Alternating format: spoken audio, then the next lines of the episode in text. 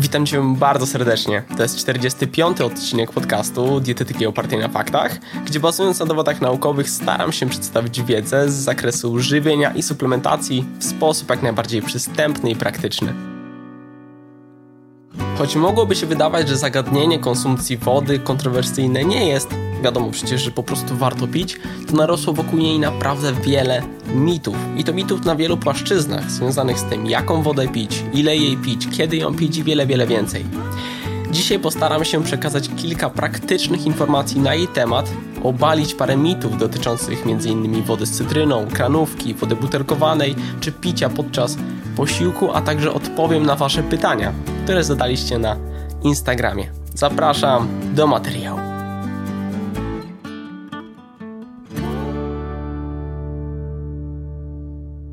O tym, jak ważną rolę odgrywa woda w funkcjonowaniu organizmu człowieka, chyba mówić nie trzeba. Woda wchodzi w skład wszystkich komórek, stanowi większość naszej masy ciała, a odpowiednia jej zawartość w organizmie wpływa na prawidłowy przebieg procesów życiowych. To element po prostu fundamentalny.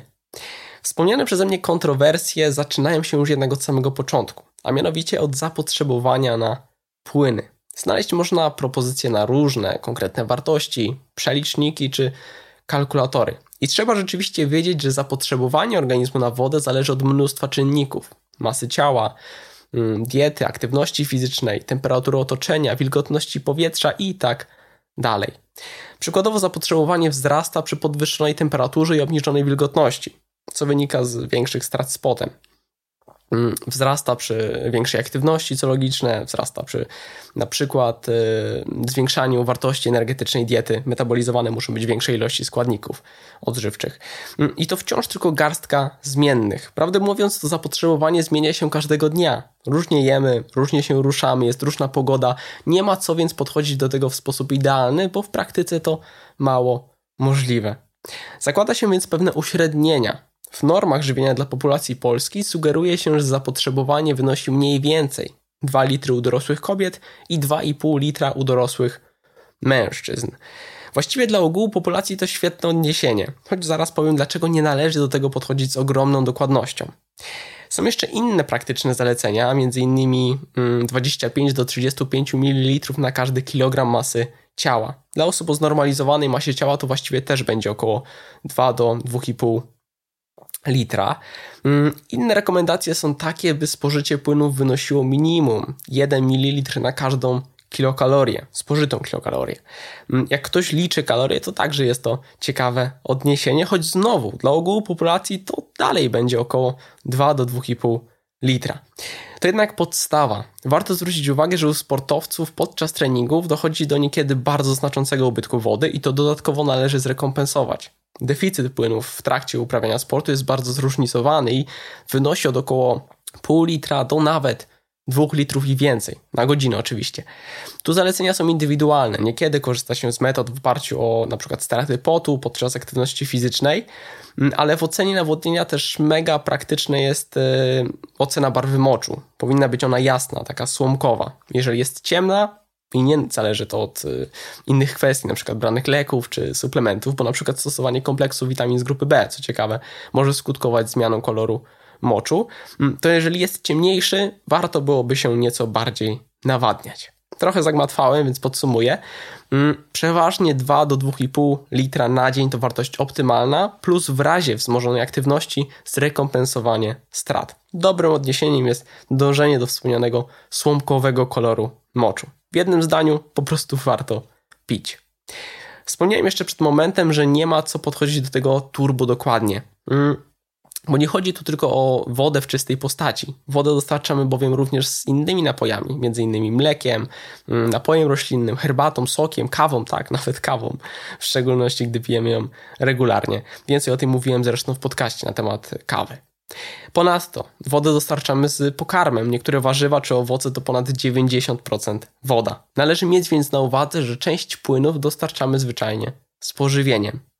Dochodzi również kwestia wody metabolicznej, a więc wody, która powstaje w wyniku przemian metabolicznych białek, tłuszczów czy węglowodanów. U osób dorosłych stanowi ona około od 200 do 500 ml w zależności od kaloryczności diety i rozkładu makroskładników. Pragnę tym podkreślić, że mówiąc o tych 2 do 2,5 litra, nie trzeba dostarczać dokładnie tyle z wody. Dobrze by stanowiła ona większość, ale zdecydowanie nie musi wszystko. Wieczorna herbata w ten nadchodzący jesienny klimat, czy rutynowa poranna kawa to jak najbardziej część dobowej puli płynów.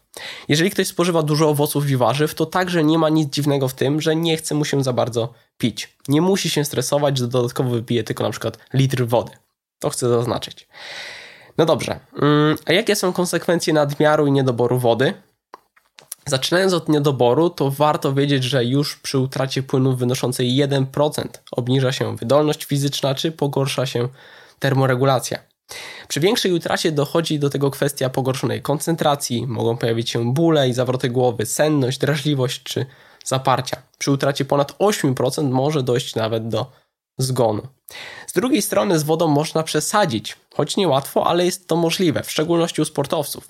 Nadmiar wody może prowadzić do zaburzeń gospodarki wodno-elektrolitowej, głównie hiponatremii, a więc stanu niedoboru sodu. Jest to też nazywane zatruciem wodnym tak zwanym.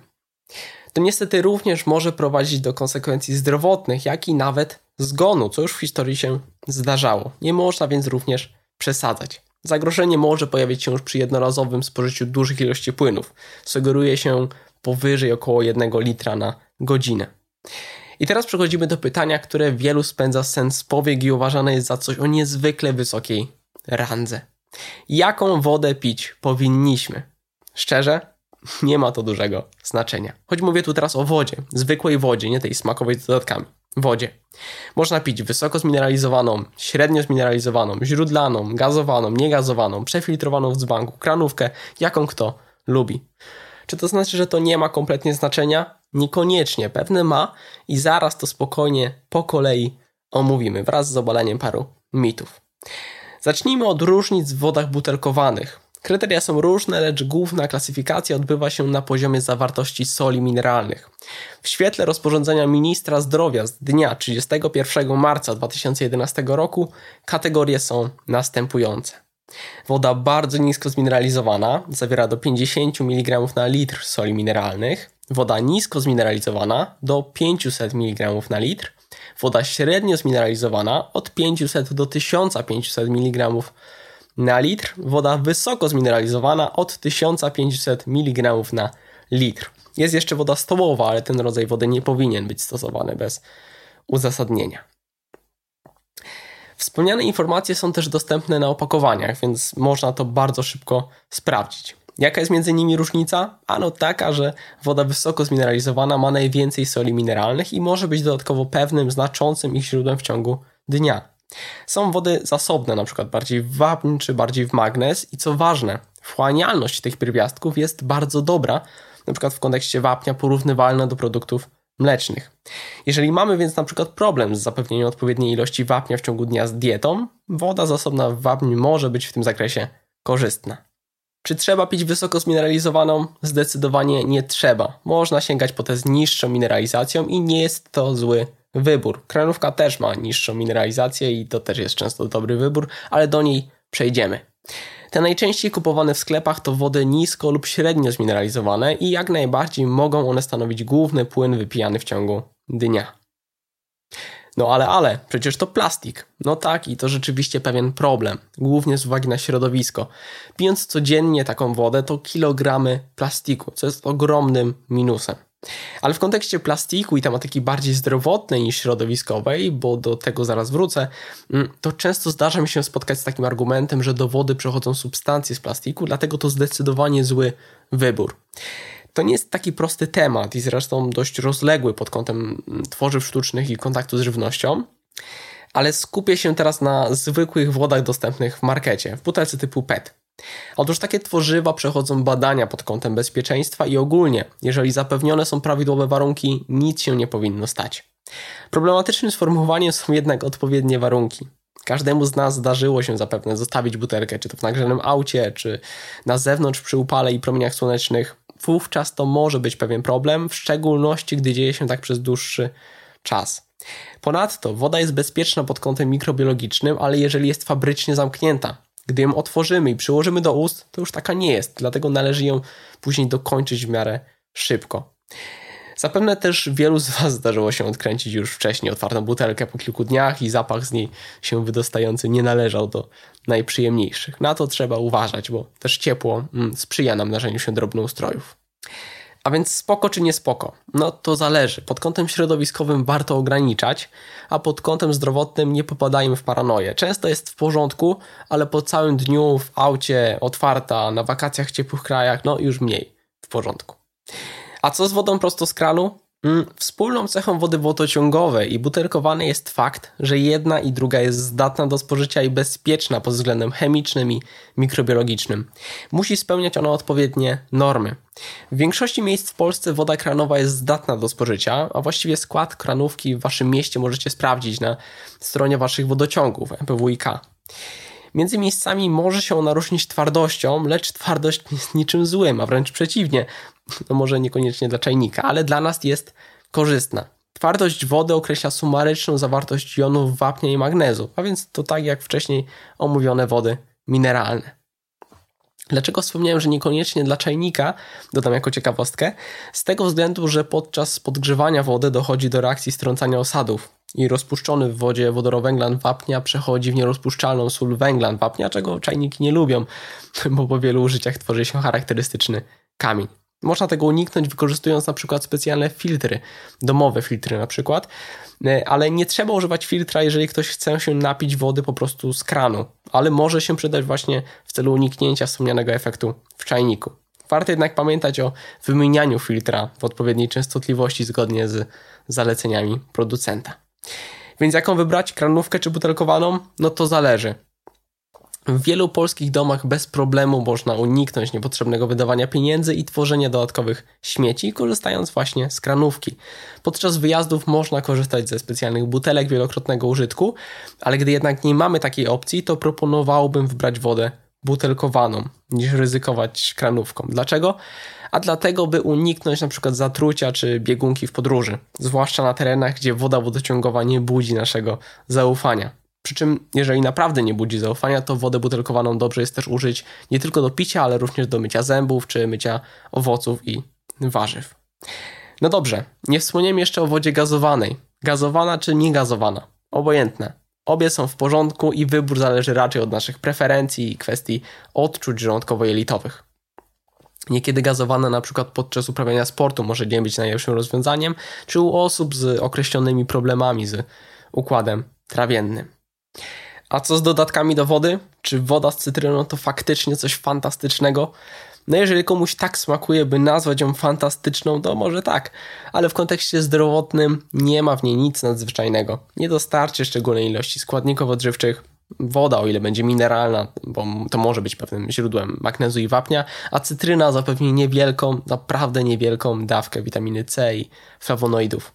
Omawiana mieszanka nie ma jednak nadzwyczajnych właściwości. Wbrew obiegowym opiniom nie detoksykuje organizmu, nie odkwasza organizmu, ani sama w sobie nie spala tłuszczu zapasowego. Tego typu przeświadczenia nie mają odzwierciedlenia faktach. Niektórzy deklarują jednak, że po spożyciu wspomnianego napoju na czczo lepiej trawią śniadanie. No, niewątpliwie nie wynika to z zakwaszenia żołądka, gdyż w nim panuje środowisko o dużo niższym pH niż wspomniany, wspomniany płyn, lecz może on na swój sposób pobudzać przewód pokarmowy ze względu na swoje walory smakowe.